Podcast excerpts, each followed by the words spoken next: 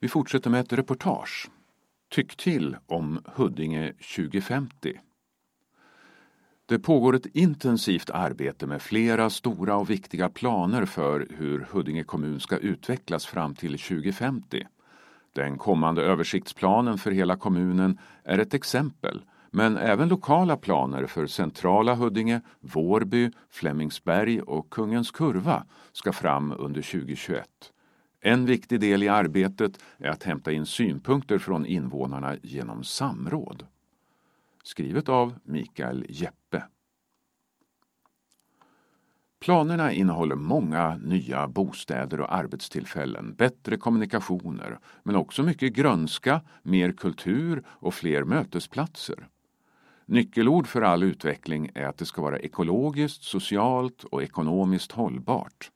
Tre dimensioner som hänger ihop och påverkar varann. Det är exempelvis bra ur ekonomisk synvinkel att bygga tätt och dra nytta av befintlig infrastruktur.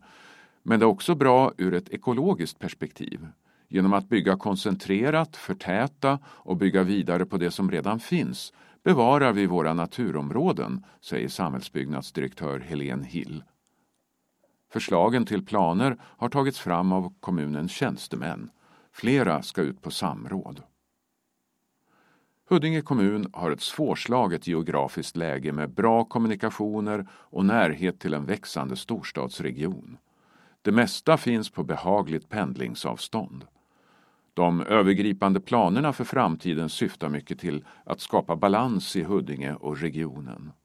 Huddinge behöver nya arbetsplatser så fler kan bo och jobba i kommunen och därmed minska behovet av pendling.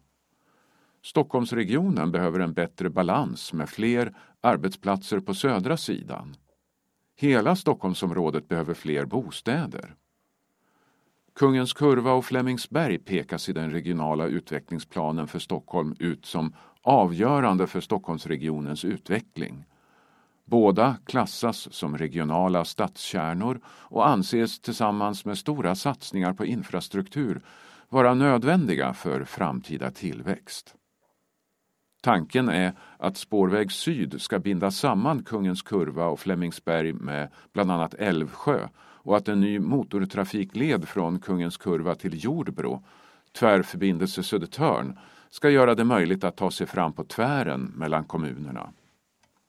Det har byggts cirka 300 bostäder om året i Huddinge fram till att den förra översiktsplanen beslutades 2014.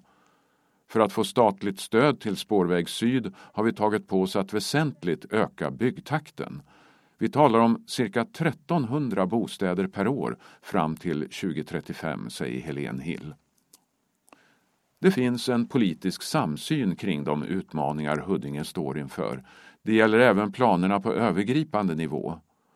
Däremot råder det ibland delade meningar om hur enskilda lösningar ska se ut. Planerna är en förutsättning för att vi ska kunna skapa en helhet av allt det som behöver göras och bygga ett samhälle, inte bara bostäder och arbetsplatser, säger Nicolas Nikander, kommunalråd och ansvarig för samhällsbyggnadsfrågor. En av de vanligaste frågorna Nicolas Nikander brukar få handlar om vad dagens Huddingebor tjänar på att planerna förverkligas.